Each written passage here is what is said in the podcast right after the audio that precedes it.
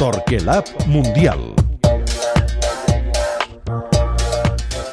Enamorat Colòmbia, eh? A banda de Quadrado, Sí, eh? sí, sí, ja... Ja et va agradar el primer dia? Sí, ja, ja era, eh, era dels meus pronòstics poc fiables com a possible selecció revelació. Alguna cosa he No, però, encertat. no, però t'estàs recuperant a la porra, eh? Sí, Ara ho explicarem. Bé, de, de menys a més. Eh, però la selecció colombiana no m'ha decebut i tens raó que m'està agradant, m'està agradant. Té molt talent de mig camp cap endavant. Avui Peckerman ha estat clau en el canvi, ha entrat Quintero per revolucionar el partit per Ibarbo, ha desplaçat James, que està sent un dels jugadors del Mundial. Compta amb James, 22 anys, està fent un campionat espectacular.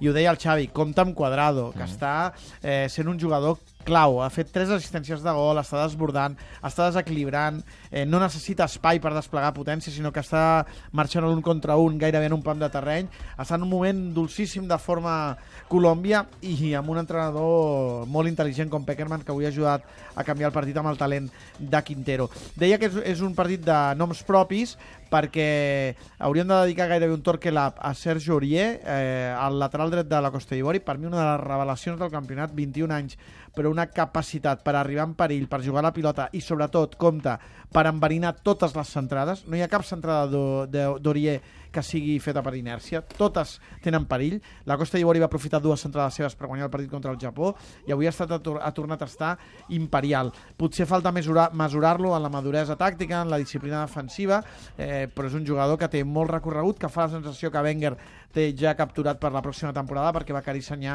ha marxat cap al Manchester City i després parlar de Die. Die ha estat una de les imatges del partit, ha estat un jugador de la Costa d'Ivori que s'ha trencat a... quan l'equip escoltava l'himne, s'ha posat a plorar, però després a més ha estat eh, protagonista negatiu del partit perquè amb 1-0 ha volgut sortir jugant una pilota des del darrere, ha trepitjat la pilota, ha volgut fer un dribbling quan l'equip estava exposat eh, defensivament, ha perdut la pilota i Colòmbia ha fet el segon gol. Ha estat substituït en aquell moment i s'ha sabut després que el seu pare havia mort feia poques hores. Això és el que ha fet que visqués amb tanta emoció a l'himne i que probablement que no estigués en les seves millors condicions per jugar al partit i ha quedat penalitzat per un error. Però jo crec que la Costa d'Ivori ha fet un partit notable. La primera part s'han mesurat només a insinuacions, a la segona part Colòmbia amb el canvi de Quintero ha millorat molt Colòmbia 6 punts, la Costa d'Ivori 3, Colòmbia gairebé classificat esperant l'últim partit, però compte que en aquest grup encara han de jugar Japó i Grècia l'últim partit, el de les 12, i per tant el grup encara tindria hauria d'esperar l'últim partit.